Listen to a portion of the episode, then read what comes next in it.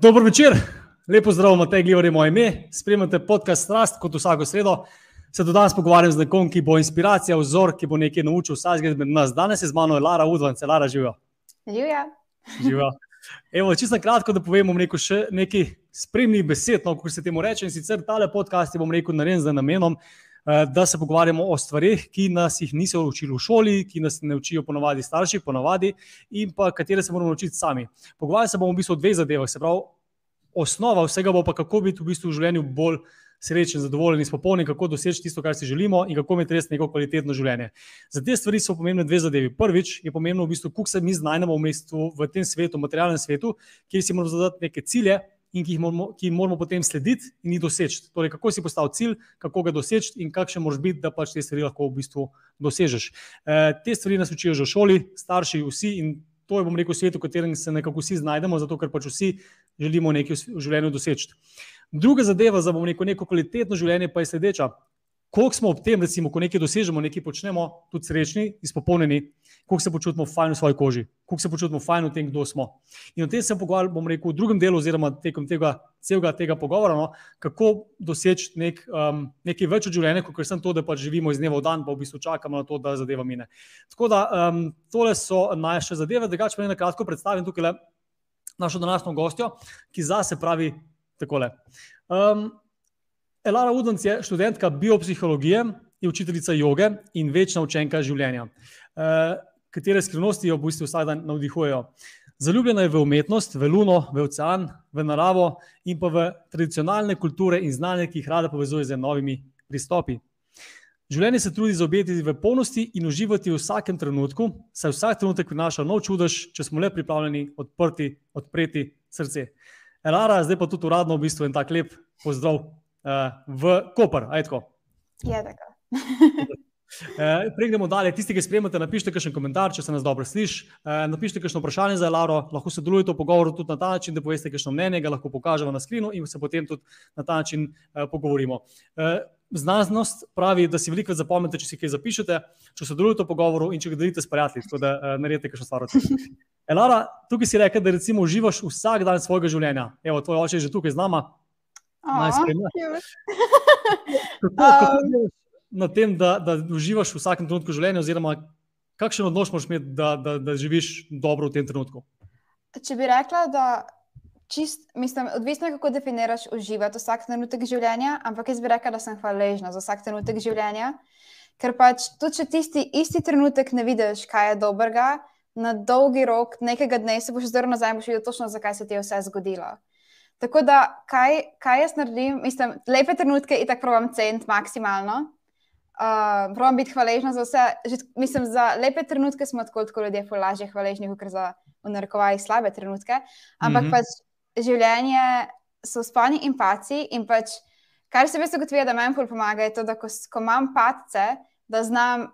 Tudi te pace sprejeti kot del življenja, in da se jim ne operam z vsemi štirimi, in da se ne obsojam zato, ker so paci, in da ne ne probam jih odrin stran, potlačiti vse, kar se dogaja in se dela, da je vse popolno, ampak probam sprejeti tudi te stvari, ki mogoče naš, v naših mislih niso tako idealne, zato ker pač mi imamo neko idejo, kako naj bi nekaj izgledalo. Imamo uh mhm. -huh. pač že od mehkega nas učijo, kaj je dobro, kaj je slabo.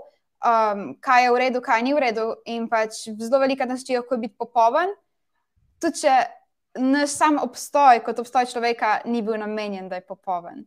Uh, tako da uh, uživam v vsakem trenutku, tako da znam, znam sprejeti tudi to, kar ni točno tako, kot sem si jaz zamislila. Zato, ker v vsakem trenutku, mislim, vsakmu v življenju pride trenutki, ko pač se zgodijo stvari, ki jih nismo pričakovali in nas vržejo stera.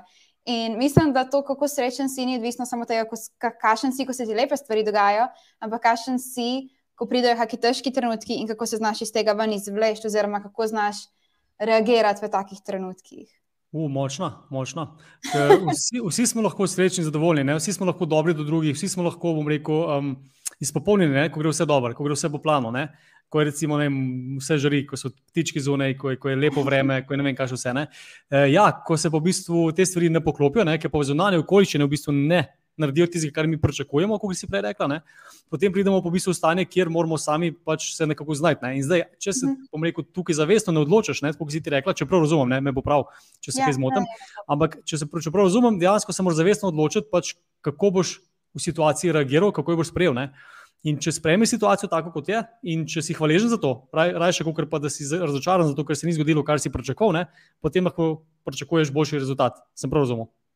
Ja, tukaj bi rada, to s tem se veste v psihologiji. Mi smo ljudje, že tako naštimani, v psihologiji bi temu rekli naučena nemoč. Mi smo naučeni, da vse pride od Boga, recimo, če smo pač verni, pride od um, oblasti, če pač verjamemo v oblast, pride od nekje zunaj in zelo zanemarjamo svojo aktivno vlogo v življenju. Mm -hmm.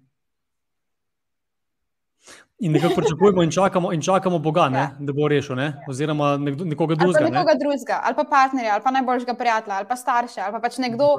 Pričakujemo, da ne bo nam nekdo več čez backup in da bo nekdo nekaj naredil na mestu nas. Kar pač jaz, kot učiteljica joge, oziroma kot nekdo, ki proba biti na neki duhovni poti, verjamem v neko silo, neko višjo silo, recimo temu vesolje, kako koli. Ampak to dojemam kot nekaj, kar je del vsakega od nas in nas med seboj povezuje. Torej, če je del vsakega od nas, imamo mi dosta velik vpliv na to silo in je ta, je to, ta odnos je dosto zajemen. Zato, ker vem, določene smeri joge bi rekli, da to, kar je zunaj nas, je to, kar je v nas. Ali pa Rumi bi rekel, what you seek mm. is seeking you. Tako da v bistvu, kukar je tako zelo, lahko je to nek paradoks, da hkrati smo zelo aktivni, po drugi strani pa če verjamemo, da je nekaj zunaj. In je lahko tako, meni je to ful dolgo, ful medlo. Pač nekaj je zunaj mene, torej pač jaz nisem aktivna, torej pač nek plan že za me narejen. Recimo. Po drugi strani pa jaz sem, jaz pač ne morem biti skozi ve, vezana na nekaj, kar bo. Pač ne morem reči, da vse se zgodi z razlogom, ker to je wow. pač tem. To je tako lahko zelo toksično, ker pa za vsako stvar rečemo samo, kar dejansko je to resnica. Pač vse se zgodi z nekim razlogom, ampak je pač na nas, ali bomo ta razlog najdel in ali bomo ta razlog razvili in da bomo to dojeli, ali bomo samo bili tam, da se vse zgodi z razlogom, zdaj pa pač čakam, da se zgodi naslednja stvar, ki se, zgodi, ki se bo tudi zgodila z razlogom. Mm, ful, ful, ful, ful, res, ful, res. Jaz tukaj, recimo, to, to zadevo gledam.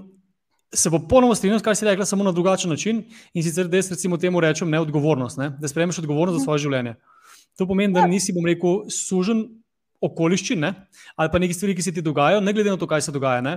Ampak mhm. da dejansko ti si tisti, ki se odloči, ali te bo nekaj spravilo v slabo volo, ali te bo nekaj spravilo dobro voljo, ali ti bo nekaj pokvarilo dan, ali eh, bo nekaj v bistvu zelo vplivalo na te, ali ne bo. Ne? In zdaj tako, tukaj se pogovarjava zdaj, Elara. Ne? Ja. Nekaj, kar v bistvu se sliši tako. Nekdo, nekdo drug posluša, tudi mogoče se s tem ne strinja, lahko. No? Nekdo drug pa posluša, pa pravi, ja se strinjam, ampak to je težko. To je težko narediti. Ne? Da mi povej, ali imaš še predlog za nekoga, ki to gleda zdaj, ne? pa pravi, ja, ok, razumem, ne? res je odvisno od mene, ne? kako sem počutil, ne glede na to, kakšno vreme je zunaj, ne? glede na to, kaj žena naredi, kaj otroci naredijo, kaj starši rečejo. Ne? Kaj lahko recimo nekdo v praksi, ne? glede na to, da si pač študiraš biopsihologijo, ne? če se ne motim.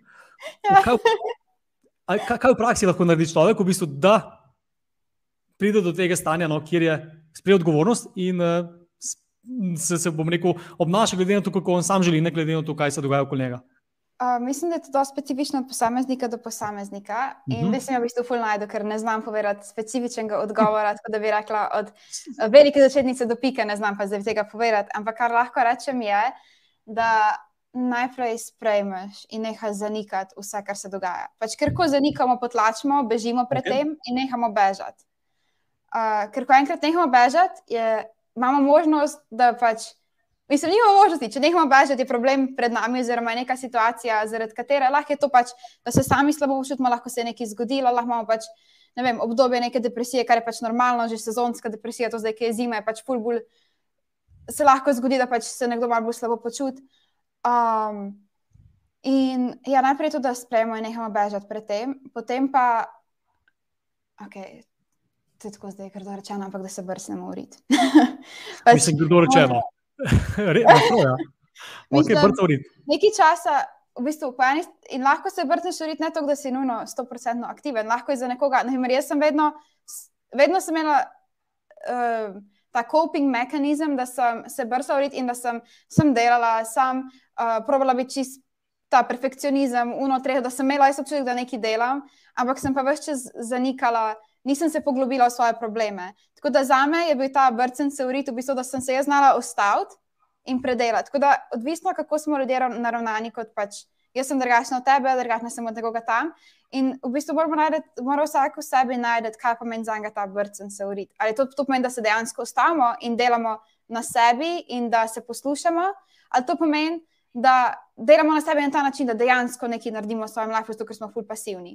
Ker sem, jaz sem bila vedno tako ful aktivna, ful sem hotela biti posod, pač, ne vem, dobre ocene, uno, tretjo, yoga, knjige, bla, bla, bla. In pač pa sem v bistvu na vzven izpadati, kot da imam ful perfect life, medtem ko se je v notranjosti mi pa vse sesipalo, ker pač nisem mogla več in sem pregorela. Tako da včasih to pomeni, da se ustavimo in si vzamemo čas, da, da se vse malo umiri da poslušamo sebe in damo svojemu telesu možnost, da počiva. Tako da to je ful, čisto odvisno, kdo bo rekel, kdo bo to rekel. Nekdo, ki je lahko ful deloholik, mu to, da mu jaz rečem, da se naj vrstno uriti, naj gre nekaj delati, ne bo čisto nič koristilo. Ker je že to, mm -hmm. tako, tako on beži pred svojimi problemi s tem, da to dela. Ali pa ja. neko zunanjo. Zunanjem, ne vem, ali z delom, ali s plačo, denarjem, karkoli, proba zapovedati nekaj, kar mogoče ali pa zapovedati neko, zakrpati neko rano, kar koli, kar je njegove notranjosti. Lahko je pa nekdo, ki vse čas tam sedi in se sam pač um, nekako napolži v vlogi žrtve, v tem primeru pa pač moraš, sedaj, pač moraš ratati dosta aktiven, ampak pač, ja, mor, pač moraš se vstati, moraš iti ven. Moraš čist enostavne stvari. Moraš zadihati, globoki vdihi, globoki izdihi, moraš iti ven. Pet, pač narava, narava je tako pač. Sprehod v naravi je gibanje, je narava. Uh, psihologija pravi, da se tako bolj počutimo v naravi, zato ker je pač to naše naravno okolje že zaradi ja. evolucije in vsega tega. Um, potem to so tako čistaki obični na svetu, kako se dejansko bolj počutiti. Potem prehrana, prehrana je zelo pomembna, sicer to ni podcast o veganstvu, ampak pač meni osebno uh, ustreza veganstvo.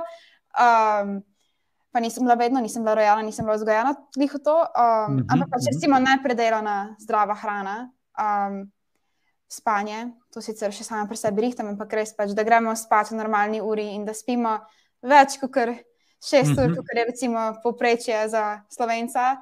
Um, tako da to so take čisto mehne stvari, ki zdaj najpomembne, ampak so v bistvu ful pomembne. So v bistvu ful pomembne. Se bomo se tukaj vrnili še nazaj na to, kar si zdaj rekla. No, bi pa sem, preden greva dalje, no, omenil par stvari, ki si tukaj omenila. Prva okay. stvar, recimo, ki si rekla, oziroma ti tisti, ki gledate, recimo, napišite, kaj pa je vaš način, kako v bistvu. Um, dobro živeti v tem trenutku, kako v bistvu biti odgovoren sam za sebe, odgovoren za to, kako se počutimo. Um, če bomo dolgo predlog tudi pokazali, podebatirali, no? drugače pa ti si rekel, da je prva stvar, da sprejmeš v bistvu in da ne bežiš. Ne? Pred tem, kaj, kaj občutiš. Ne?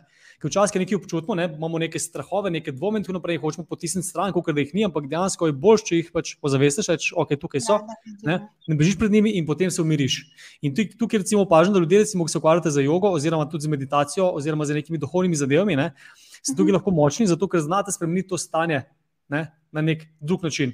Zato ker velika recimo, je težava največja, pa popravim, če se motim. No, oziroma, razmišljam zdaj, bom rekel čisto praktično. Ne. Priješ domov, recimo, si pod stresom, ali pa si doma, pa si na računalniku, ali pa si pod temi komentarji, pa z novicami, pa ne vem, kaj še vse. Ne. Si zelo hitro lahko pod nekim stresom, oziroma imaš nek, nek, neko živčnost v, v končni fazi, ne prisotno. In mhm. najlažje to spremeniti, kako, kako spremeniti, bom rekel, to stanje ne, v nekaj božga, je pa v bistvu glavno vprašanje danes za enkrat, kar se pogovarjava. Ja. In kako spremeniti to stanje, ne, je ključna stvar. En, en način, kot si ti rekel, je greš v naravo. Ali greš teč, ali si samo v naravi. In zakaj recimo to koristno? Jaz to večkrat povem in tudi ne, ne govorim tu zaradi tebe, Lara, ampak tudi zaradi ljudi, ki to gledajo. Ne? Ker ko spremeniš, bomo rekel, fiziologijo telesa, ne? ko začneš dihati drugače, ko se postaviš drugače, recimo, ne? Ko pa recimo, doma sediš, pa odla gledaš, ne? takrat boš zelo težko bom rekel nekaj spremenil. Ne? Ampak, ko greš recimo ven v naravo, se že avtomatsko gibiš drugače, dihaš drugače, premikaš drugače in avtomatsko se počutiš boljš. Ne? Tudi ne moreš biti depresiven, če greš recimo teč. Ko tečeš, nisi depresiven, ali pa vredno, ko delaš jogo, ne? ali pa ko verjetno meditiraš. Skratka, tisto, kar mi tukaj zelo všeč, kar si rekla, je tudi, da je za vsakega nekaj individualnega, ne? ni za vse isto. Ja, definitivno. Ja, in tukaj je treba. Edino, to bi rekla, da ja. pač ni, ne morem glih reči, da ko delaš jogo, nisi depresiven, zato ker um, pač ni to, ne obstaja tudi joga, ni, ali pa karkoli, kakršna koli praksa ni zdaj instant zdravilo. Um, ampak je pač nekaj, kar ti. Neka pomoč pri tem. Ne bo pač zdaj joga rešila vseh mojih težav, če jaz nimam, če pač, če, če dajem jaz moč jogi kot nečemu izven mene, recimo, pa če dam primer jogo, ker pač se ukvarjam z jogo. Če dam jaz jogi vso moč, da joga me bo spremenila, joga mi bo pomagala. In pa če jaz tam naredim, uh, ne vem, deset minut prakse joge na dan in verjamem, da bo vse perfekt, pač načeloma ne bo, zato ker ko ti začneš delati, ko ti začneš delati na sebi, Mhm. se najprej, najprej v bistvu, zelo veliko je najprej en ful močan padec in pol je en ful močan pač. Najprej, najprej, veliko se zgodi, da imaš najprej ta, da, da dosežeš neko nizko točko, zato ker so vse, kar si veš cel life potlačeval, vse, pred čemer si se skrival, vse tvoje strahovi, tvoje travme, pridejo ven. Mhm. In pač Zato veliko ljudi vem, upa nad, nad veganstvom, zato ker pač tvoje telo se mora najprej spucati, preden ti dobiš. Pač zelo velikrat se ljudje, ne vem, najprej ne občutijo ničesar, ali pa se počutijo tako dosto utrujeno, zato ker se mora tvoje telo navaditi, ker je bilo vse čas odvisno od predelane hrane ali pa od um, pač hrane, ki mogoče ni najbolj optimalna za naše telo.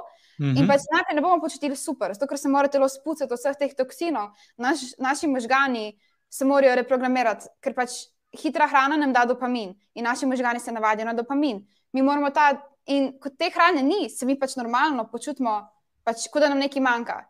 In tisti čas je tako, kot da bi šel um, stran od drog in pač imaš, ker dejansko isto deluje, pač v naših možganih deluje to isto. In ko Mhm. boš šel to stran, pač boš imel obdobje, ko bo mogoče malo težko, ampak bo pol ful boljš. Zato, ker se mora pač telo spucati. Isto se mora naši možgani spucati. Če si odvisen od socialnih medijev, se bodo mogli tvoji možgani, ko boš ti šel stran iz socialnih medijev, bo grozno. Čez en mesec bo pa top, zato ker pač se bodo tvoji možgani reprogramirali. In isto z jogo, ko ti začneš delati jogo, ne moreš pričakovati uno, direktnih čudežev, ampak v bistvu je že sam že čudež že to, da se ti v bistvu se ti ful stvari sprosti. Mhm. Ok, Sprostiš super. ful čustev, sprostiš ful travm, pač pride na površje, prejokaš. Če sem tokrat jokala med jogo, da je pač. Ampak ne zato, ker bi se počutila tako slabo, ampak zato, ker bi uno, relief. Pač, ole, kaj se Ok. okay. lahko ven. In pa za nekoga, ki je mogoče zunanji opazovalec, bo rekel, da pač meni joga ne pomaga. Ampak jaz ne vem, kaj bi bilo z vsemi temi mojimi čustvi in kaj bi bilo z vsemi temi mojimi travmami in nekimi vzorci, če ne bi imela jaz možnosti jih ozavestiti in potem spustiti.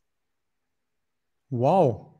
Tega nisem vedel o jogi, veš, da, da, da je tako močna. Mislim, vem, da joga lahko pomaga na marsikajšen način, ampak da celo, celo jogaš vmes med jogo, oziroma da ti tu potem jaz pomaga. jogo. Wow, ne, super, super, zato ker sigurno pač pomaga. Ne? Tudi ljudje se včasih bojimo jokati, ne? Se bojimo, Ja, v bistvu, da, da je to ja. neka ranljivost, ki je pač ne smemo pokazati. Ampak, glej, prej gremo naprej. Ne sem pokažen tukaj en komentar gospe Olge, no, ki pravi: Wow, pri tako mladi sogovornici bi pričakovali vse prej kot takšno zrelost. Na vladi svet stoji, globok poklon obema. Olga, hvala, vedno smo radi, ki še lepe komentarje. Pa še gospa Milka napisala, bom rekel, na temo odgovornosti. Ne?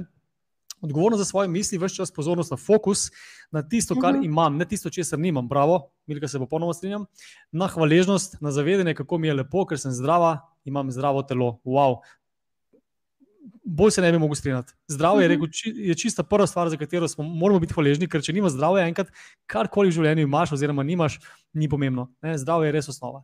Ampak eh, super komentar, Milka, in Mhm. hvala tudi v bistvu za, za tole vrednost, ki ste jo dodala. No? Eh, Elara, res je, kar si rekla glede joge, me zelo zanima, ker se pravi, sam nisem tukaj v, v jogi ne? in veliko bom rekel, izprošiš neka čustva, oziroma tudi lahko predelaš stvari, ko joge praviš. Ne? Zdaj, kaj, kaj bi rekla, recimo, o, o tem, ki so se prej pogovarjali o ranljivosti, oziroma ki sem, ki sem omenil. Ne? A je fajn, da je človek ranljiv, ali je bolj, da nisi naredil, pa da to nekako potlačaš s tem, da greš čez, čez čustva, s tem, da pač eh, spremeniš vem, fiziologijo, začneš skakati, topiti in tako naprej, in pozabiš na tisto, kar, kar se dogaja v tebi globoko. Ne? Greš, bom rekel, naprej za neko energijo, za nekim fokusom, ne? Kar ja? jaz velikokrat počnem, iskreno, ne? zato te vprašam. Ali misliš, da je bolje, da si bolj ranljiv, da potem spremeš te stvari, ki si rekla? Tako, kako bi, kaj bi ti rekla na to? No? Um, moja filozofija je, da je v naši ranljivosti naša moč. Pač mi smo ljudje in mi smo dobili možnost občutiti in čutiti in doživeti ta obstoj preko pač zemeljskega telesa, z zemeljskimi, v narekovajih, pomankljivosti, če gledamo na ranljivost kot neko pomankljivost. In Jaz sem zelo občutljiva oseba in to je velikokrat tako slabo. Jaz sem pač ful, pač to priznam. Ne Vem, eni to vidijo ful kot slabost, jaz to vidim kot oboje. Jaz sem pač me, jaz ful globoko čutim stvari in jaz vem, da če, če bi lahko zbirala, bi še enkrat imela možnost toliko se odpreti, da to globoko čutim. Zato ker imam občutek, da, da čutim, okay, čutim več žalosti, čutim več pač, ko se nekaj dogaja v svetu, se zelo težko obrnem stran od tega. Pač čutim, kaj se kolektivno dogaja. Pač, ne vem, nekdo vidi nekaj um, na novicah, kako da vem, so ubili deset ljudi v, v neki državi in pač bo ok, v redu, bistvo. Jaz sem tam začela razmišljati, zakaj, kako bi lahko kdo naredil, kakšen svet to živi. Pač tako polno nekih stvari, Uh -huh, uh -huh. um, ki me pač ful, tako, lahko se brez problema dam v ulogo tiste osebe, ali pa težko sprejmem točno, kaj se dogaja. Um, po drugi strani, ali pa če nekdo zraven mene, ki je žalosten, moram zelo merkati, da ne postanem kot spužba. In to je pa zdaj, tle so pa zdaj meje, ki v bistvu ranljivost iz pomankljivosti spremenijo v dar. To, da mi znamo postaviti meje in da znamo biti pač mi, mi, individualni, ker pa smo uh Mhm. -huh. povezani. In to, da čutimo druge, nam daje to povezanost. Hkrati pa moramo reči, postaviti, postaviti neke meje, kje zdaj je kul cool in kje ni kul. Cool. Kako lahko jaz dejansko, če jaz prevzamem vso bolečino neke druge osebe, recimo, da je neka oseba v ful v safru in jaz pa pridem ke in prevzamem to bolečino osebe, ali pa jo probujem obvarovati pred nečem, ne vem, probujem osebo, um, ki bi šla, ne vem, kaj naj rečem, tako da ne bo. Ok, recimo, to mi je prvo padlo na pamet, da bi šla oseba fulrada v droge in jaz sem njen partner, in, Ja. oziroma partnerka. In jaz sem probala narediti vse, da ta oseba ne bo šla v droge. Um, to tako iz tega pogleda, jaz lahko sebe čist izčrpam, samo zato, da bom nekoga obvarovala, um, nekoga vlekla ven, kar je pač ful lepo od mene. Po drugi strani pa bo to osebo res, mislim, tu sem v bistvu dala ful slab primer. Ampak recimo, da je neki, neka bolečina, ki jo neka oseba ima in če jaz moram vse nasedeti, bo Ja. osebi vzelo možnost, da bi ona to doživela in se iz tega nekaj učila. Uh -huh, uh -huh. Če razumeš, to droge so res slab primer, zato to je tako, da bi pač Nič neki drugo, ja. ekstremnega sem dala, ampak um, pač, ker velikrat, če, če gre nekdo zaradi, to sem hotel povedati, če gre nekdo iz drog zaradi neke druge osebe, je zelo velika šansa, da bo bil relaps. Zaradi tega, ker bo ta oseba drugo osebo prepričala, da mora to narediti, in ta oseba ne bo to naredila zaradi sebe, in ne bo se uh, mindset shiftov pri tej specifični osebi, ampak bo samo povlečena, zato ker nekdo hoče pomagati.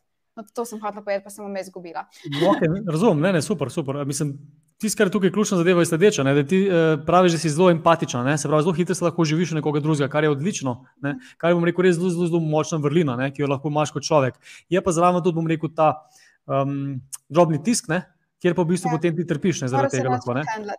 Tako, ja. In ko nekomu recimo pomagaš, je sicer nekaj najlepšega in tudi najhitrejši, recimo, naj, naj, najhitrejša bližnjica do tega, da si lahko izpopolnjen, pa srečen v življenju, je to, da nekomu pomagaš. Ne? Zato se vedno full fajn počutimo, ko nekomu pomagamo. Ne? In ko se tega enkrat navadiš, ko vidiš, da je to fajn, potem to rad počneš. Ne? Ja, drugi, druga, druga plat tega je pa v bistvu, koliko ne, te ranljivosti, Ja. oziroma koliko te občutljivosti, koliko te, bom rekel, um, čustveni v bistvu, čustvenosti v bistvu potem vzameš potem zase v svoje življenje. Ne? Ker če Mhm. imaš neko v bistvu stabilnost, potem je to ok, če nimaš, potem lahko pa na to veliko bolj vpliva. Ne? V dobro Ja. in slabo, ne? ampak ponovadi je težava, recimo takrat, ko je slabo, ne? da tega lahko zelo veliko vzamemo na sebe. Ti se lahko Mhm. sekiraš tudi za neke stvari, na katere nimaš vpliv. Ne? In zato je pač tukaj fajn imeti v bistvu neke, neke, neko ravnoteže. Ne? Jaz tukaj recimo vedno pravim, da je fajn, um, da se ukvarjamo s stvarmi, na katere imamo vpliv. Ne? In tudi, Ja. recimo, ko nekomu pomagaš, je fajn, da mu pomagaš v bistvu do te mere, da si mu upora, da ga razumeš, ne? da mu tudi daš v bistvu mogoče nekaj na svet in tako naprej, oziroma mnenje. Ampak človek mora narediti korak sam. Ne? Ja, ne moreš prehoditi poti neke druge osebe. Zato, Ja. ker pač druga oseba je točno tam, kjer je, zato ker je, pač, je to njena pot in jo mora sama prehoditi. Ne moreš, pač, ne moreš nositi bremen vseh. Ne zato, ker, bi, pač, ker v bistvu na koncu ne pomagaš nekomu, ampak mu vzameš. Vzameš Bravo, bravo. možnosti za n- lastno izpopolnjevanje. Pač pa lahko oseba tam sedi in vse bodo si drugi namere te osebe naredili, ampak Ja. ja. se bo ona dejansko počutila bolj. To je tako zapijati praznino z denarjem. Pač dejansko se ne Mhm. počutiš boljš, ne glede na to, kaj si kupiš. Pač tisti, Ali pa s hrano, ali pa s seksom, Ja. ali pa s čim- s Ja, ja. Ja. Pač, ja, ja. karkoli pač fila to tvoje lastno mm -hmm. pomankanje. Ja. Ne, to je ful res in zato je tukaj treba biti v bistvu pazljiv, da recimo ne, ne narediš preveč, ne? Ker vedno moraš, moramo tako gledati, ne? vedno moramo ta prvo, to bo zdaj malo grdo izpadlo, ne? glede na tale pogovor se mi zdi, ampak vedno moraš ta prvo nas gledati. Ne, to je pač to je dejansko res. Super, veš, veš zakaj to pravim? Ne? Tudi recimo veliki ljudje pravijo, ne, ne, ne, vedno, če, če si dober, če hočeš pomagati, ta prvo pogledaš za druge, poskrbi za druge, pa potem nas. Ni res, ne? ker recimo tudi, ko se peleš z avionom, ne, vedno nikoli ne rečejo, recimo, aha, ali pa deva tako reči, ne, ker se peleš v avionu, ne, ti povejo, kje pa če je izhod, recimo na začetku, ne, in ti tudi Mhm. povejo, da maske dol padejo, če pride do tega, da bo neka težava in bo pomanjka nekaj sika. In nikoli, še nikoli niso rekli, dajte ta prvo masko otroku, pa potem sebi. Čeprav se sliši ful grdo, ne. Možeš ta prvo otroku pomagati, ampak ni res. Če ti ne boš sam sebi najprej pomagal, ne, pa sam sebi dal maske, potem otroka ne moreš v bistvu ne moreš mu pomagati. Ker boš ti padel v komo, nezavest in tako naprej. In isto tu je metafora za življenje. Ne? Vedno moraš biti najboljši. Zato se jaz tukaj, recimo, tudi v tem podkastu veliko pogovarjam, oziroma tudi hočem pokazati ljudem, da mi moramo najprej poskrbeti sami zase, ne glede na to, tudi če želimo drugim pomagati, kar je super, tudi tako lahko sami sebi pomagamo, da drugim pomagamo. Dobimo dobre občutke v sebi, in potem gremo tukaj dalje. Ampak, ja, nekaj meje pa je. Kako bi pa rekla, da to mejo zaznaš, oziroma da opazиш, kdaj si pa mogoče preveč empatičen, oziroma da imaš preveč um, teh, tega vpliva drugih ljudi no, zaradi v bistvu, svojega početja. V bistvu to, to je pa stvar, na kateri sem delal, po mojem, zadnje dve leti, oziroma vsaj zadnje leto. Okay. Uh, zato, ker pač nisem imel nobenih mej kot oseba. In jaz sem verjela, da pač je moja dožnost, da imam vse rada in vsem ugodim in vsem pokažem, kaj je ljubezen. In vsem pač tako, da sem like. Pa ne zato, ker bi sama sebe videla kot to, ne da bi jaz sama sebe videla kot neko, neki, da pač imam jaz to možnost, ampak jaz verjamem, da ima vsakdo to možnost, da ima pač druge rad in da še ljubezen. In jaz sem v bistvu, jaz nisem najprej napolnila svoje šalčke. In ko nisem napolnila svoje šalčke, je pač začelo se kolapsati. Uh, in sem se tako pač na, na trd, na, na grd način, na harš način naučila, kako. Kaj, kaj so posledice tega, da um, ne nafilaš svoje šalčke, ampak greš filat šalčke drugih. Um, zato, ker v bistvu, tudi če jaz ne nafilam svoje šalčke, pomeni, da, da nisem še vsega predela, kar moram kot jaz, kot oseba, predelati. Če bom komaj začela filati svoje šalčke, bom bila prisotna pri svoji šalčki. To je pač okay, čudna metafora, ampak okay, bom prisotna pri svoji šalčki. In ko bom prisotna pri svoji šalčki in videla, kje je šalčka razpokana, videla bom, kje je nekaj mm -hmm. manjka, kje, mm -hmm. kje moram bolj mm -hmm. pobarvati. Pa ne zato, ker bi hotela narediti popolno, ampak zato, ker bi hotela, da je ta šalčka stabilna, da bo tudi lahko, ko bo nekdo drug prišel in nalil nekaj noter, da bo lahko ta šalčka zdržala. Ker pač velikokrat gremo v romantične odnose, karkoli. Ko imamo hkrati razpokano šalčko, na pol prazno šalčko, in ta šalčka niti ni sposobna držati Veliko ja. zato, ker mi verjamemo, da v bistvu si tega itek ne zaslužimo, ali pa da je to v primeru toksičnih odnosov največ, kar si zaslužimo. Gre za to, ker nikoli nismo pogledali svoje lastne šalčke in pogledali, kako v bistvu, kako v bistvu lahko naša šalčka zdrži. In če, jo, če mi lepo skrbimo za svojo šalčko, bo ful lahko zdržala in bo ful, bo, bom lahko jaz filala svojo šalčko, drugi bodo lahko filali svojo šal, mojo šalčko in bom imela ful, ne vem, vode ali pa čaja v svoji šalčki in potem tudi jaz lahko ful svojega tega čaja, te vode dala drugim. Ampak, če reko, imela jaz polno šalčko, lahko dala drugim. Če imam jaz prazno, jaz tam skačem okoli s prazno šalčko, se delam, da nekaj nekomu dajem, ko v bistvu jim ne dajem nič, ko v bistvu sam sama sebe srvinjam v duha. Pač dobesedno. Pač Tukaj te, te lahko to izžam, izžame, da rataš duh, pač izgubiš svojo identiteto. Tam si sem to dobil stregu z drugim, zato da bi pač ultimativno, mislim, da bi, da bi ustregu drugim, da bi posledično tudi ti se počutiš boljš. Ampak ti se, dokler ne bomo mi pogledali sami vase in pač se soočali sami s sabo, bomo zelo težko tudi drugim pomagali. Res je. Zdaj upam, da ljudje, recimo, ki to spremljajo, so razumeli vse te, bom rekel, metafore ne?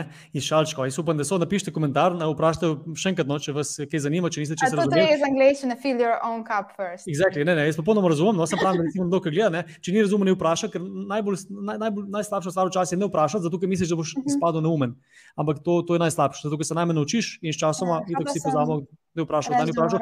Veliko ljudi pa jih ne vpraša, zato ker pač ne, uh, ne upa. Ne. Tako da vprašajte, pojďte v isto obdobje, naredite to. La, uh, Lara, uh, mene zanima zdaj glede te šalčke. Ne? Nekaj. Jaz grem v globino, res. Zdaj, jaz sem pripričan. Kako? Ti, kar sprašuješ, šalčki. Ja, kaj, jaz sem pripričan, da, ljudje, recimo, da, da smo, vsi smo si zelo podobni. No? Vsi mislimo, da imamo unikatne probleme, da smo zelo unikatni, posebni, kar tudi smo. Ampak v nekih zadevah, recimo, kar se tiče pa, recimo, odnosov, kar se tiče samega do sebe, do drugih, do, do stvari, si jih pa naučimo. Ne? In tudi naučimo se sočustvovanja, naučimo se neko empatije, takih stvari. In jaz verjamem, da ima veliko ljudi, bom rekel, sto šalčkov, o katerih zdaj govoriva težava. Ne? To pomeni, da recimo vedno nekako iščemo zunaj sebe rešitve, odgovora, ne? ali v dobro, ne? se pravi, da nekomu pomagamo, ne? pa s tem dobiš vlastno potrditev, ali s tem, da recimo vem, grdo komentiraš na Facebooku, čez nekoga pluvaš, si del neke skupnosti, ki pluva čez nekaj drugega in, si, in na isti način dobiš potrebe um, urejene, ne samo da pač na negativen način. Ne? Zdaj, zakaj misliš, da prihaja do tega, da, da ljudje ne poskrbimo najprej zase, da si ne napolnimo te šalčke, če govorimo o metafori? Mm, zaradi praktično mislim, da je to neka iluzija, ki jo imamo ljudje, da, da pač smo kul, cool, da smo popolni, da smo, mislim, zelo veliki. To je šalčka. Hvala. Um, uh, v bistvu imamo iluzijo, v bistvu nam je lažje sprejeti, če verjamemo, da smo ok, kot pa da nam je sprejeti, da nismo ok. Torej, že iz tega stališča, bolj ko nismo, velikrat bolj ko nismo ok, bolj verjamemo, da smo ok. Uh mhm. -huh. To je pač tako, uh, ker, ker si ne upamo priznati, da nismo ok. Naprimer, kruta realnost. Narcistični ljudje so tisti, ki imajo najmanj ljubezni do samega sebe in zato iščejo um, potrditve. Tako obsesivno iščejo potrditve zunaj in tako obsesivno morajo imeti vedno prav. Zato, ker pač, če nimajo prav, se njihova samozavest sesipa. Ker, mm -hmm. ker pač tukaj nimajo radi sebe, pa se večina ljudi tega sploh ne zaveda. Pač tudi, naprimer, um, jaz se full logo nisem zavedla, kako jaz sem mislila, da imam jaz v bistvu sebe rada, da sem sama sabo vse pošlihtano. In pol, ko sem um, ustajala v odnosih, ki pač mi niso dali tega, kar sem rabila, sem začela razmišljati, ampak zakaj? Pač, Samo zato, ker verjamem, da moram imeti vse rada točno tam, kjer mislim. Jaz sem lahko nekoga rada točno tam, kjer je in ga spoštujem točno tam, kjer je. Ampak jaz ne morem nekoga prepričati, da se bo iz tega premaknil.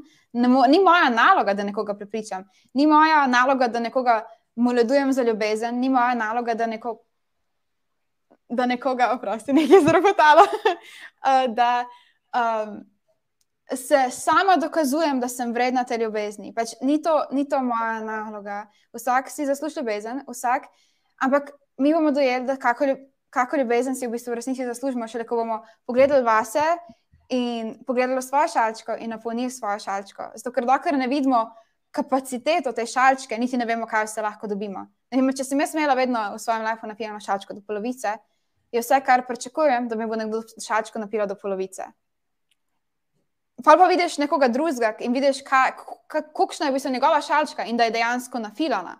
In si mm -hmm. tako, a jaz tudi lahko nafilam svojo šalčko tako veliko? Pač, a imam jaz tudi lahko sama sebe tako rada, da bom, da bodo tudi, da bom privlačila ljudi, ok, to je ta law of attraction, katerega načeloma ne zagovarjam pulsu, ker vse, kar si zaželiš brez tvoje samo inicijative, se ne bo kar tako čudežno pojavilo. Ne, pa ne pač, recimo, je. je pa res, da energijo, ki ti daješ ven. Točno to, kar imam jaz sama sebe rada, to, kar bodo imeli radi drugi ljudje. In to je pač drugi ljudje se nam ogledalo.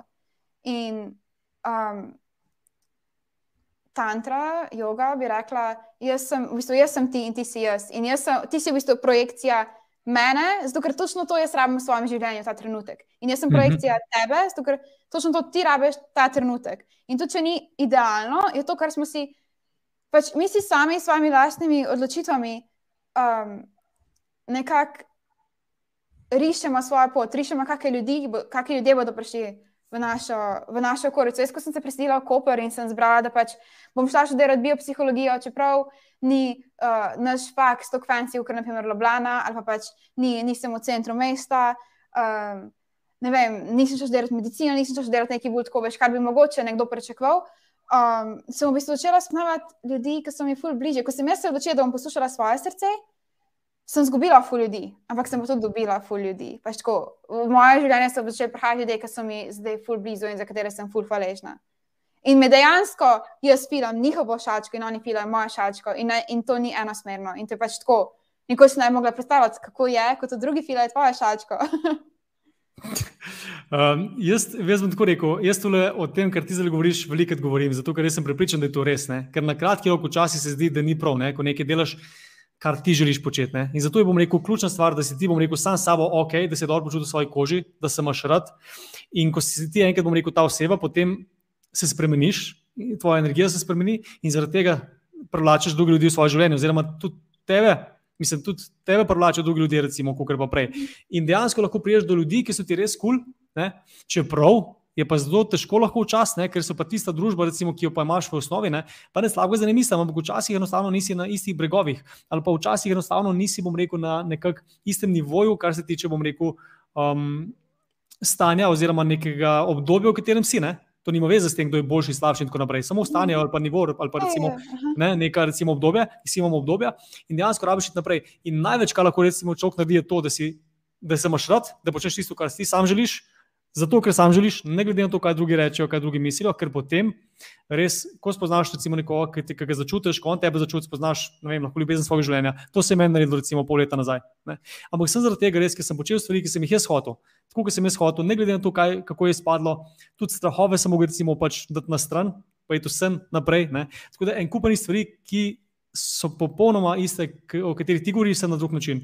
Tole šalčko mi je ful všeč, no? tako da je res šalčko, enkrat, ko je polna, gre ven. Ne? In še ena zadeva, ki bi sem dodal tukaj, ki se mi zdi ključna, pa zelo pomembna. Ljudje, ne? ti si rekel za narcise. Ne? Jaz bi pa rekel, recimo, tudi za ljudi, ki so. Ja, spomnila tako pač. Ja, ja. Jaz bi pa tudi rekel, recimo, za neko stvar. Če vidiš nekoga, ki je nesramen, ne? ali pa vidiš nekoga, ki je, bom rekel, slabe volje ali pa tečen ali kako koli, ta človek rab največ pomoči. Ne? Zdaj, jaz pa veliko, recimo, tudi sočustvujem z ljudmi, ki so najbolj, bom rekel, aktivni na negativen način na Facebooku, zato ker pač največ sem na Facebooku, zadnje čase pač delamo doma in tako naprej, pač eh, se, se te stvari vidim. In zdaj, če danes sem primer, ne, to glede na to, da smo na Facebooku, pa na YouTubu, ne, ko gledaš negativne komentarje ljudi, ki so v bistvu, ki pluvajo en čez drugega in tako naprej, ne, to so ljudje, ki imajo ponovadi največ težav in ki rabe največ sočutja, ki jim treba nekako tudi dati nekaj dobrega, ne, ker si zaslužijo. Ker ti, ki nisi sam s sabo zadovoljen, včasih, ne, da dobiš v bistvu tiste potrebe izpolnjene. Kot sem prej rekel, narediš lahko nekaj lepega, lahko dobiš pa nekaj slabega, pa glih, ko dobiš to potrebo, ne, je mhm. izpolnjeno. Ampak, da, eh, Lara, povej mi, kaj misliš, da je pa tvoja največja vrlina? Kaj bi rekla? Um, moja največja vrlina, da bi prav eno najdla.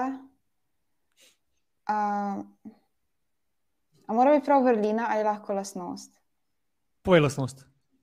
Okay. Um, še vedno ne vem. bi prav najdla eno.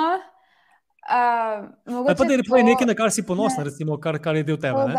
Glej to, da lahko um, vidim ljudi preko njihove maske, v smislu, da pač imam lahko človeka rada, tudi če um, mi mogoče ne mislim najbolj, mislim, če mi noče najboljš, oziroma če mi ne nud tega, kar jaz pravim, oziroma če pač da, da vidim, da pač se pogovarjam pol ure in vidim, kaj se je dogajalo v življenju te osebe, in pač lahko razumem in odreagiram, ne da bi to oseba sovražila, ne da bi, ne da bi se jaz počutila napadeno, zato ker vem, da ta napad dejansko ni mišljen na me, ampak je namišljen na neki iz zgodovine, nekaj, kar ta oseba ni predelala. In um, ker to mi je v bistvu ful pomagalo v življenju, ker jaz pač gledam tako, kot sem občutljiva. Uh, me, me, so me fulkrat ful prizadele stvari in sem tako pač, kaj sem jaz naredila na robe. Um, še vedno sem v bistvu taka, da ne bo pač izpadlo, da sem vse predelala. In tako daleč od tega sem, da bi vse predelala v svojem lifeu, ampak vem, kje, kje še moram delati na sebi. In um, mi v bistvu to pomaga, da ko se nekaj slabega zgodi, se pač ustavim in rečem, pač, da ta oseba je šla čez nekaj težkega v svojem življenju, da je pač da se tako aktivno trudi, da bi meni nekaj naredila, ali pa da bi mene spravila iz ravnovesja, ali pa da bi mene uropala nečesa, ali pa da bi mene, v najslabšem primeru, mene pripričala, da jaz nisem dobra, da si jaz ne zaslužim ljubezni, da je pač z mano nekaj narobe. Ker jaz pač nimam problema, da priznam, da je z mano nekaj narobe, ker pač vsakim je nekaj narobe, noben ni stoprocentno, mislim, ok, če bi bili razsvetljeni, ampak vsak je, ne, vsak je nekaj, na čemer bi še lahko delal. Vsak lahko še nekaj, nekaj izpopolne, na nečem dela. In mhm. pa če tega ne zanikam, ampak da te pa nekdo spravi do, do mere, da, um, pač, da dejansko verjameš, da, da je pred sabo nekaj tako narobe, da je vse, ne vem, jaz pač. Da sem to doživela na lastni koži, in pa sem ugotovila, da če bi jaz imela svoje meje, če bi jaz imela nafilano svojo šalčko, jaz tega nikoli ne bi dopustila. Jaz ne bi nikoli pustila, da gre nekdo tako daleč, da, da moja rana tako spremeni, da jaz verjamem tako slabe stvari v sebi. Ker pa če bi jaz imela svojo šalčko, bi vedela, kaj je v moji šalčki in bi vedela, da moja šalčka ne rab takih stvari. In pač vse, kar bi lahko naredila, je zdela mal, uh, mal čaja iz svoje šalčke, v njegovo šalčko in šla. In je to to. Ne bi pa rabila zdaj jaz tam biti in čakati in prositi, da bom dobila kaj nazaj in konstantno zlivati stvari mm -hmm. v šalčko te druge osebe, ki bo pač praktično vsakeč, ko se mi nekaj izlila, je to šalčko vrgla stran, uh, zato ker pač ni bilo, moj čaj ni bil dovolj dober. Uf, Jaz bi tukaj še eno stvar dodal, ki mi je zelo všeč, kako razmišljaš, govoriš. Uh, res zelo mi je blizu tole. Um, Sam na drugačen način to poveš, kar mi je top. Tisto, kar sem recimo tukaj zelo razbral. Ne, Kako? Kako? Šalčka sem se glih prijela zdaj. ne, se prav, hvala Bogu, super. Imaš tudi super, bom rekel, razlago in metafora je super, ne, tudi za življenje. Bi pa dal recimo nekaj ljudem v razmislek, ne, kar lahko korist, bom rekel, že takoj danes vsakmu, ki tole gleda, ne, pa popravim, če se motim, res, tvoje mnenje me zanima. Razumevanje, ne. Veliko recimo nimamo razumevanja do ljudi, ki niso dobri do nas. Ali pa veliko nimamo razumevanja do ljudi, ki imajo drugačno mnenje od nas veliko nimamo razumevanja do ljudi, ki mislijo drugače, da delajo drugače, da imajo drugačne navade, drugačne, bom rekel, tradicije, karkoli. Jaz mislim, da tega razumevanja manjka, ker ena stvar je, bom rekel, ta empatija, da se znaš uživeti nekoga, druga stvar je pa, da, znaš, da poskušaš no razumeti. Zato, ker vedno je, bom rekel, nekaj v zadju. Ne? To je tisto, kar mi všeč pri tebi. Vedno, bom rekel, vidiš čez masko, ne, ne samo masko. In če bomo zdaj, mi vsi, recimo, ki smo vem, na spletu, ali ki se dobimo z nekom, ali nekoga vidimo zunaj, ali karkoli se dogaja, nekaj preberemo, če vedno večkrat za rezervo vsako stvar vzamemo, ne glede na to, kaj piše v novicah na naslovu, ne, ali pa kaj piše recimo v nekem komentarju, ki je nekdo nekaj komentiral, kar je pač samo neka beseda, ne, ki jo uporablja, ki vsak drugače razume besedo. Ne. Ampak če poskušamo razumeti, zakaj je človek to napisal, kaj je bil motiv, kaj je njegov razlog in tako naprej, vedno dobimo drugačne odgovore. In jaz sem tukaj recimo zelo, zelo, zelo delam na teh stvareh, no, ker jaz ne vzamem osebno, niti če me kdo nekaj užal. Um, ok, razen če je nekdo, ki pač mi res veliko pomeni, pa ne bi tega pričakoval, to me še vedno zmede. Ampak drugače pa jaz ne vzamem tega osebno, ker vedno poskušam razumeti, zakaj se je to zgodilo, kaj človek v bistvu mislil, zakaj do tega prišlo, kako razmišlja. Ne? In veliko potem ugotoviš, da mogoče je človek prizadet, uh, mogoče ima človek v bistvu neko bolečino v zadnjem, mogoče ima človek neko, rekel, nekaj drugega, ne? če se pa ni povedal, ne raje gre potem v globino. Ne? In tu ti lahko pomaga, zakaj? Zato, ker če ti razmišljaš na ta način, že če imaš, imaš samo ta odnos, kako v bistvu poskušaš razumeti nekoga, zakaj je pač nekaj naredil, kar ti ni bilo ok, kar nisi pričakoval, lahko že zaradi tega odnosa najdeš druge odgovore. Uh mhm. -huh. Kaj praviš? Ja. ja, se strinjam. Edino, kar bi rekla, še je, da moramo pa tukaj pa paziti, da ne pademo mi spet v drugi ekstrem, ko vedno mislimo, da, smo, da vse, kar nam drugi govorijo, je zato, ker je z njimi nekaj narobe in da smo mi v bistvu tisti, ki vidimo čez njihovo masko in vidimo njihove probleme, in smo mi mhm. tisti, ki imamo v pogledu vse. Zato, ker ja, okay, vsaka oseba, ki pride na našo pot, nas vseeno nekaj nauči.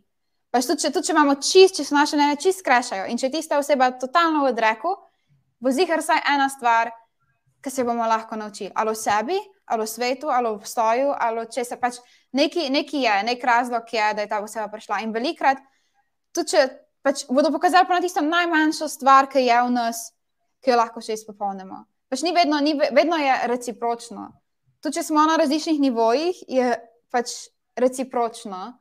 Um, če ne drugega, lahko, lahko pa veliko o tem. Um, Spiritual communities, ne vem, yoga učiteljih, yoga karkoli, uh, ne vem, duhovnih učiteljih. Lahko se veliko zgodi, da, da pač prevlada ta spiritual ego, ki v bistvu nek, nek recimo, zdaj vam pač, ki se z jogo ukvarjam, recimo, da bo jogo učitelj verjel, da je on pa popolnoma razsvetljen. In vse, kar se dogaja v njegovem življenju, je to, kar je z drugimi nekaj narobe. In on je itak tako razsvetljen, da on lahko zdaj vidi preko vseh mask. In, okay. uh, naprimer, pogledamo uh, različne te um, ljudi, uh, ljudi, ki se ukvarjajo s tantro, ki pa to izkoriščajo za posilstva, uh, za zakrinkana posilstva, priti mač. Zato, ker pač je žensko ali pa s tipom, kdorkoli pa s njim važe, važno, z moškim pa žensko nekaj narobe in to bomo, bo lahko ta tantričen mojster rešil samo preko seksa in pač osebo posile. Zato, ker misel, on dejansko verjame, da ima to moč, da bo pač nekoga pozdravil prek seksa. Kaj je okay. uh, to? To je tako ful, ker sem jaz sem delala.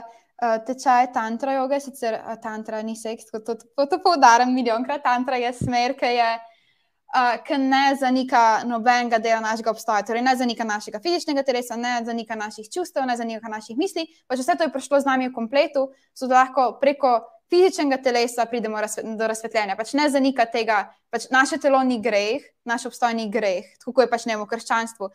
In s tem, ker pač ne zanika našega fizičnega telesa, ne zanika seksa in ne zanika uh, in ne, ne vidi seksa kot greh. Ampak to je zdaj zaho zahodna kultura, naredila totalen biznis iz tega. In zdaj pač tantra je seks, pa novem. okay, ampak zdaj povemo več, mislim, kaj potem tantra joga, oziroma kaj te uči?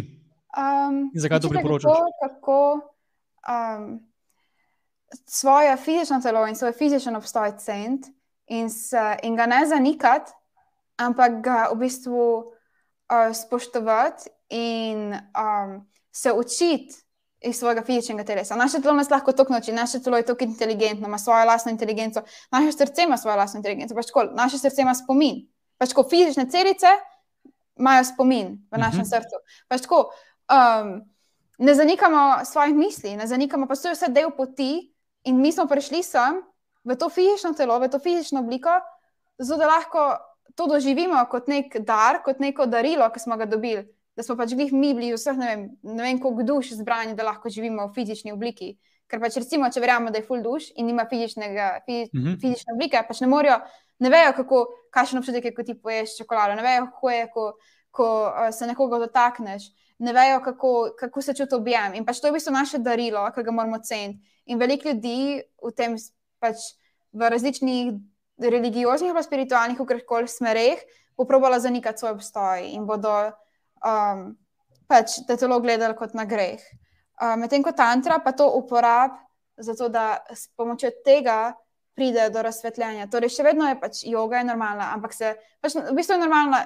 Pač tantra yoga je yoga, zadaj s filozofijo, da pač. Um, Da naše telo ni greh, ampak da ga moramo sprejeti in pač se res probiš povezati s svojim telesom, probiš se povezati s svojimi mislimi. Ne boš samo, ah, misli so, misli so nekaj človeškega, misli so greh, da jim je dati stran, ampak naj jih pač sprejmeš in jih pustiš, da grejo naprej ne tepeš se z njimi, nisi nasilen do samega sebe, samo zato, ker so misli nekaj wow. človeškega.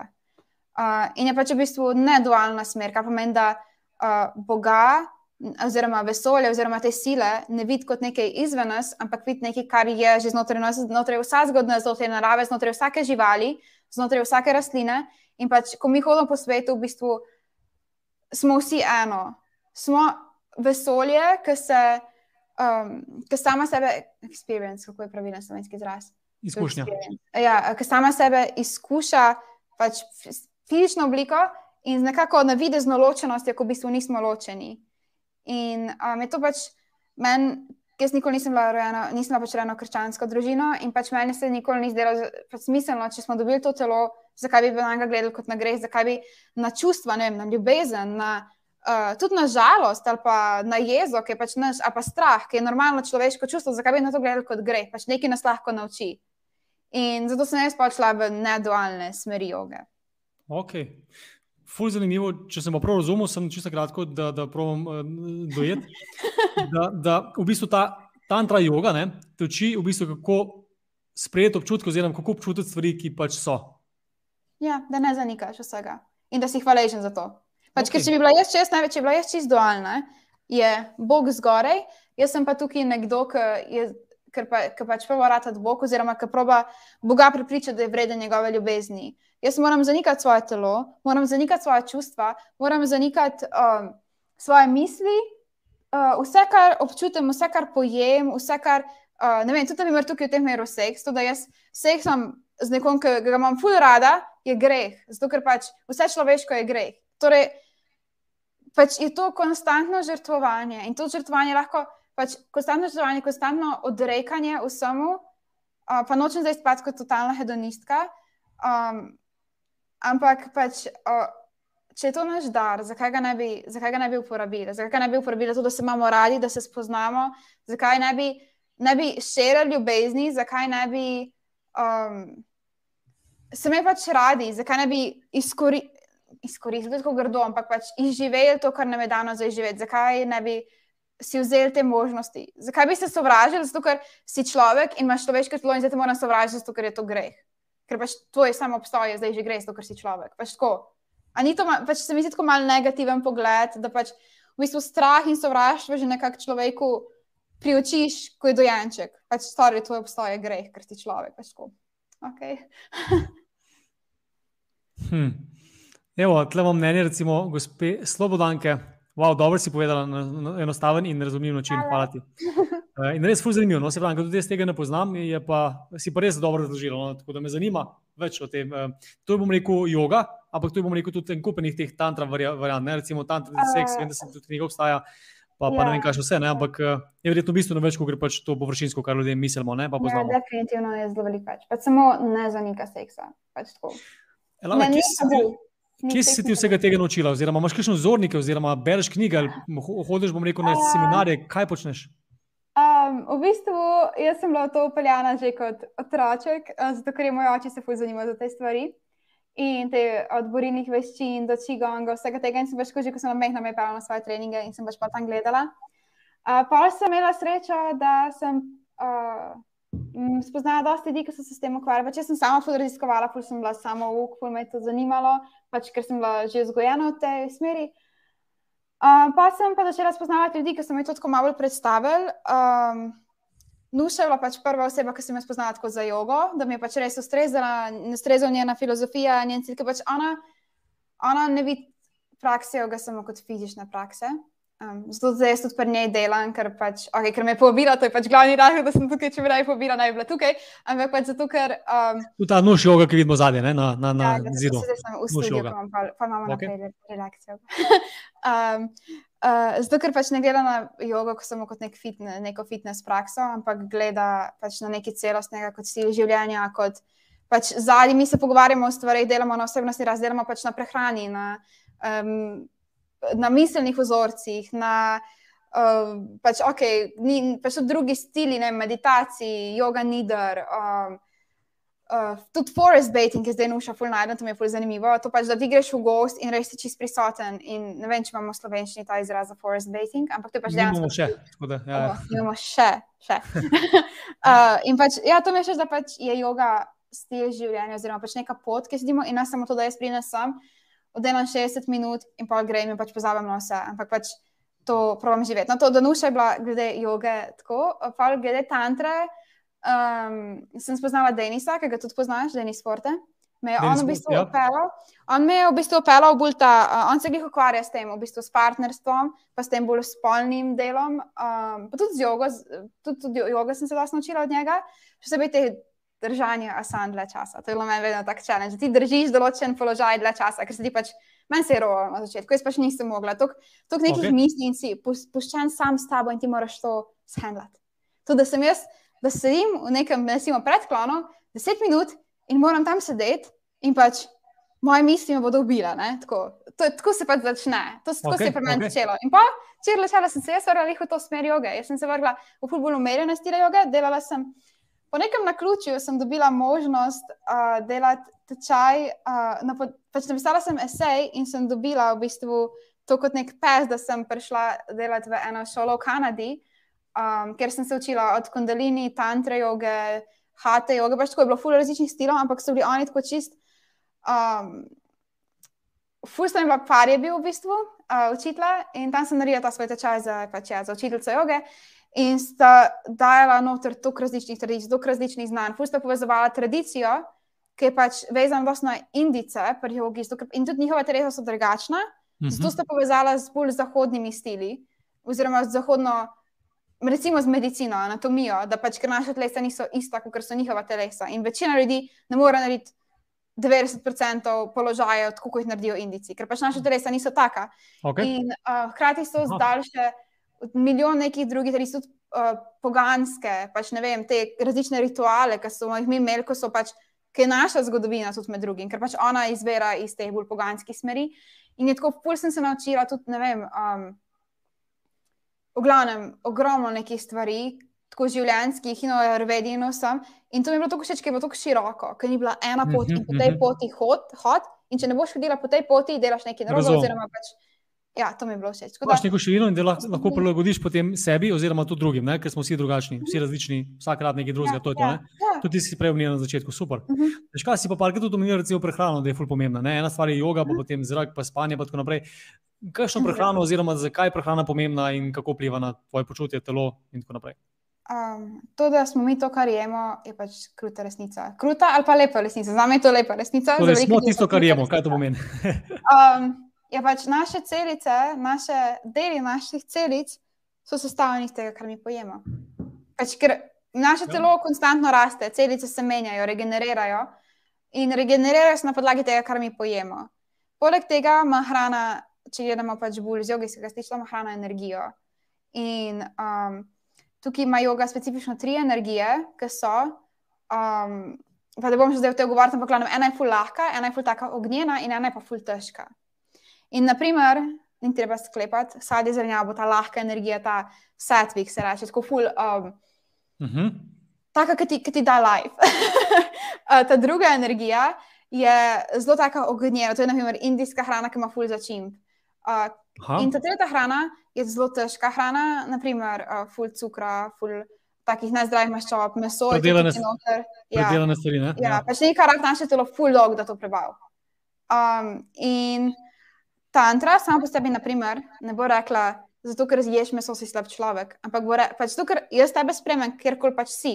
Ampak bo rekla, pač, ampak pač zavedaj se, da zato, ker pač se prehranjuješ na ta način, pač tvoje telo samo sebe izčrpaš. Pač tako. Dejstvo, -hmm. pač ti, ti okay, pač vsi, zdaj, če bi bila jaz uh, full toksična pozitivistka, bi rekla, da moramo biti skozi tem light state, ampak to je pač nerealno. Pač noben ni skozi tem state. Kot naprimer, da nas napade pes, bomo mogli biti v tem. Raja se reče temu gnjenem steju, da se bomo mi, da bomo zbežali, da se bomo borili. Pač, naše, pač moramo imeti možnost. Moramo vse energije. Ja. In tudi ta tapa, ta mas, ki je v bistvu ta temašna, ta bolj taka počasna, lenobna energija, tudi v tem smo, če ne drugega, ko ratamo utrujeni, ker je pač to normalno stanje, da smo mhm. mi utrujeni kot pač ljudje, ker pač imamo odkrabno spati. Ampak če ne bi bilo tega, mi ne bi še nikoli spati. Ja. Um, tudi jogi načeloma rabijo fulmen spanja. Uh, jaz še nisem tam, ampak uh, upamo, da nekega dne.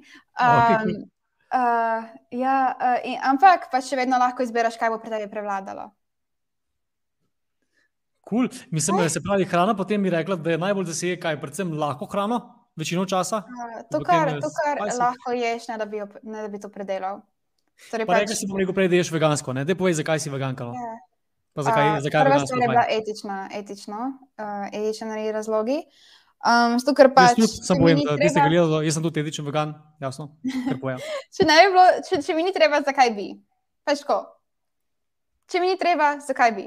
zakaj bi pač, zakaj bi um, jedla truplo neke živali, če jim pač ni treba, zakaj bi prispevala k njeni, njenemu trpljenju, če jim pač ni treba, čisto simpel logika. Um, in pač, ker imam to možnost, ker moje telo to je pač super sprejelo, pač moje, se pač se počutim super, odkar sem veganka. Mhm. Uh, tudi sem še zato hvaležna, da ne vem. Um, ja, da, pač, da mi je bilo tako simpel, da mi je ta prehod bil res full simple. Um, Uh, to je prvi razlog, pa pač zdravje. Um, tudi, mislim, pa so pa ekološki razlogi. Pa to je pač tako, v bistvu, prvo pr etično, pa sem ugotovila, kako, v bistvu kako je to za zdravje pomembno uh -huh. in kako je to tudi ekološko, um, pač bolj sustainable. Kako, um, uh -huh. Kako okolje koristi, v bistvu, če si vegan? Ja, ja, če si ja, žogi, ja. sport, recimo, kako ne snažuješ okolje in tako naprej. Uh -huh. S tem, kar plačuješ za izdelke živalskega izvora, res je. Ja. To se lahko človek pozanima. Um, cool, super. Povej mi, v bistvu, Lara, a si, ti, a si srečna? To vedno vprašam moje goste, pa me zanima, zdaj glede na to, da moraš iti naprej na jogo, ne si že v studiu. Povej mi, če si srečna, to me vedno zanima po rodeh. Uh, zdaj pač, če bi odvisno, kako definiraš srečo. Kako ti definiraš? Ja, ampak zdaj, tvoja definicija me zanima. Kako ti definiraš? Včasih vprašam, kaj se mora zgoditi, da si ti srečna. Ne se ne rabi zgoditi, da bi sem jaz srečna. Ne zunanjega se ne rabi zgoditi, da bom bila jaz srečna. To, ker ko bo moja sreča vezana na nekaj zunanjega, je to conditional, je pač to neka odvisna sreča. In ko bo ta stvar šla stran, jaz ne bom več srečna. Tako da, sem pa res srečna, če je pač to vezano od ne, nečesa zunanjega. Če je moja sreča vezana na mojega partnerja, partner lahko gre, a bom srečna, ne, ne bom. Če je vezano na, na uh, denar, denar bo, pa, pač denar bo zginil, pač nič ni večno, pač bom bila nesrečna. Torej, Jaz se res trudim, delam tem, da moja sreča ni vezana na nič zunanjega. Um, zato ne morem, mislim, lahko rečem, da sem srečna, ampak lahko rečem, da lahko na tej sreči še ful gradim. Super, sem zelo vesel, da je iskreno. Tudi čestitke, biti srečen v življenju, recimo, ne glede na to, kaj se zgodi. Nisem rekla, da nisem srečna, sem rekla, sem, da, da verjamem, da uh, imaš šalčka še fulj več prostora. Verjamem. Ampak kaj pa predlagaš, recimo, ne, meni ali pa nekomu, ki zelo to gleda, recimo, kaj pa lahko narediš v tem momentu, da prideš do tega stanja, da se vsaj začneš delati na tem, da si srečen, ne glede na to, kaj se dogaja okoli. Kako do tega priti? To si me že vprašal, pa že te, kateri si vedno povedal. aha. aha. Um, ja, uh, uh, najprej sprejmeš, potem začneš filati svojo skodelico prvo. Torej, se mhm. poslušaš, se vse rečeš sam s sabo, se pogovoriš sam s sabo. Um, in to, če ste pri tem izpadli, da si malo psiho, je to pač čisto normalno. Uh, vsi se moramo kdaj pogovoriti sami s sabo. Um, in v bistvu pogledaš globoko vase, kje, so, kje je shranjena bolečina, kje so shranjene travme, in delaš na tem, da imaš te dele sebe najbolj rad. In ko boš imel te dele sebe full rad, boš boš pa začel cveteti od znotraj. In ko cvetiš od znotraj, bo pač, boš začel cveteti tudi od zunaj. In ko boš cvetel od zunaj, boš privlačil stvari, boš privlačil te čebelce, boš privlačil vse stvari, te lepe stvari v svoje življenje, ker ti bodo pač tako. In tudi tvoja percepcija se, se spremeni. Če si ti začneš, kot je ena gospa napisala prej, da če si ti hvaležen, se boš fokus, vedno bolj začel fokusirati na lepe stvari v svojem življenju. In vedno bolj, in tudi tvoji možgani se bodo reprogramirali. In ko boš videl ti neko stvar, ki je 50% dobra in 50% slaba, pa to damo v narkovaj, ker naš pač slabo ali pa dobro, ja, ampak če ja. mislimo, da naš človeški um to tako kategor kategorizira. V naravnem stanju je zelo velika šansa, da bo 90% ljudi bilo najprej tisto slabo stvar. Če se pa jaz prakticiram hvaležnost in če delam na tem, da se zahvaljujem vsak dan za lepe stvari, bom pa videla tistih 50 lepih procentov in bom zanemarila tistih 50 slabih procentov. Mislim, tako pač spremenila se bo moja percepcija. Ker pač jaz sem lahko isto, lahko sta dve osebi in sta obe isto zdravi, imate ist, isto denarja, isto redo partnerja, in pač ist, isti life, pa bo ena ful srečna, ena pa ful nesrečna, ker ena bo se fokusirala na vse dobre stvari, ena pa na vse slabe stvari. Torej, fokus. Ne? In ravno zaradi tega bomo naredili za konec, v bistvu eno vajo skupaj, ki jo lahko naredijo tudi ljudje doma, ne samo danes, ampak tudi jutri zjutraj, jutri zvečer, kadarkoli imate čas. In sicer uh, bi predlagal, da naredimo oba vajo hvaležnosti. Oba se spomnimo samo okay. na danes, pusti za včeraj, pusti za prejšnji teden. Kako? Prakticiram na dnevni bazi. Da, Super. In to bi tudi pokazal ljudem, ker ko to enkrat prakticiraš, potem avtomatsko začneš drugače živeti, imaš drugačen fokus. Ampak tu treba vaditi. To so stvari, ki se nismo naučili v šoli, ker nas ponovadi starši ne naučijo, ne slabega, ampak pač ker ne vejo, ampak se moramo sami naučiti. In začnite poslušati Elaro, gledajte, kako živi. In, um, ne res, to so stvari, ki so v bistvu ni vse za vsega, ampak to lahko pomaga skoraj vsakmu. Mislim, ja. zato, ker skoraj pravim, zato, ker pač, če ne boš tega naredil, potem ne bo pomagal. Če pa narediš, pa če probaš in tako naprej, imaš pa veliko šanso. Deva narediti, recimo, vajo, se pravi, samo za danes, ne včeraj, ne prejšnji teden, ampak danes, tri stvari, za katere si hvaležna. Vi, ki ste doma, si pa tudi napišite tri stvari, za katere ste hvaležni in ponavljate to z nama. Elara, lahko začneš, ker si moja gostja. Okay. Pa tudi jaz bojo tri stvari danes. Uh, hvaležna sem ta trenutek najprej pride na pamet, da je ta podcast v redu steko, saj vam se zdi, da je v redu steko. Uh, druga stvar, za katero sem hvaležna, je, da, okay, da, ma, da je kar nekaj ljudi prijavljenih na mojo prakso, jo sem previdela in to me pač vedno naredi ful veselo. Uh, in tretja stvar, za katero sem hvaležna, je bil dopodanski sprehod z mojo prijateljico. Uh, in je bil ful sonček, tako da to so v bistvu dve stvari, ampak jih bom dala eno stvar, tako da dopodanski sprehod na sončku. Tako da to so prve tri stvari, ki sem jim pa na pamet, lahko pa še polno štelam. Ja. Super, super, odlično. Vete, tudi vi, ki ste doma, recimo, napišite vaše v bistvu stvari, za katere ste hvaležni. Bi pa se omenil, preden jaz povem moje stvari, no, da ko včasih recimo, ne najdete neke stvari, za katere ste lahko hvaležni, to zato, ker kot prvo ne prakticirate tega vsak dan, ker ne vadite te stvari, ker pač sami od sebe tega pač ne najdemo, najdemo rajš, kar ni dobro.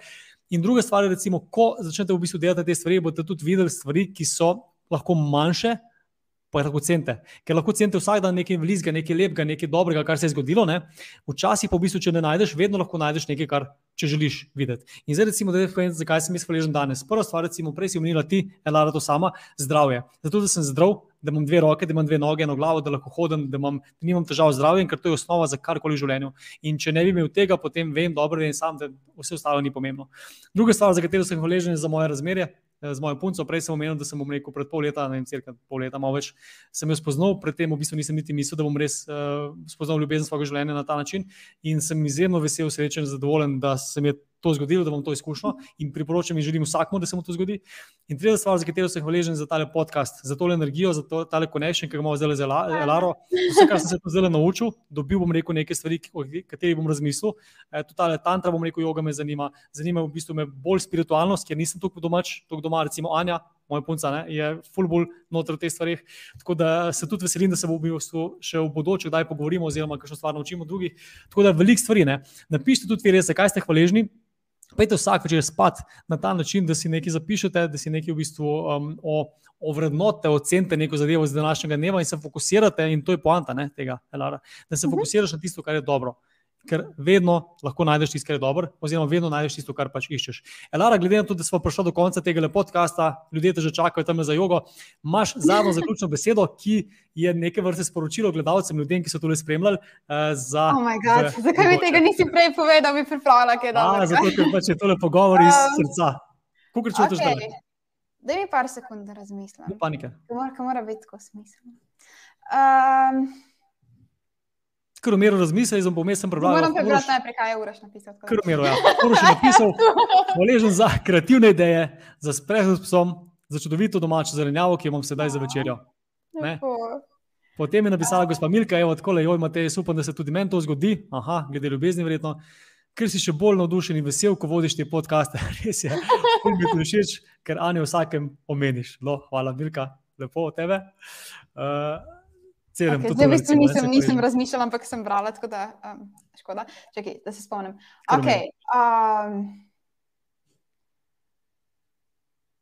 torej, to mora biti nek nasvet, zaključna misel. Redu, Zaključna misel za mogoče- naše gledalce, glede na to, pogovarjamo se o osebni rasti, o tem, kaj lahko naredijo pri sebi, da so naredijo pač življenje boljše, kot je. Okay, nasvet, um, kar bi rekla je, da naše življenje je ful velik čudež in ful velik dar, ki smo ga dobili. In skriva ogromno enih mehkih čudežev. Zato, če imate pogum in možnost, da se tem čudežem odprete in da odprete svoje srce, in da se ne bojite imeti radi, oziroma da se ne bojite ljubiti, um, se bodo začele dogajati ful lepe stvari. Amen. Hvala za pozornost.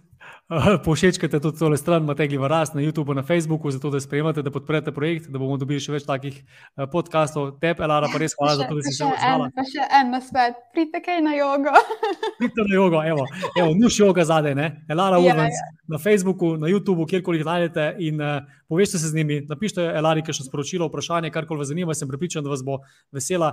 Drugače pa lep večer, Definitivno. lep pozdrav, Elara, te pa hvala, da si se odzvala in da si bila res super Hvala gostja. Se veselim, da čez 20 let pogledava skupaj in rečemo, wow, to je bilo to. Okay. Lepo se mej, lep večer, pozdrav, Koper in se Hvala vsem, ki ste pogledali.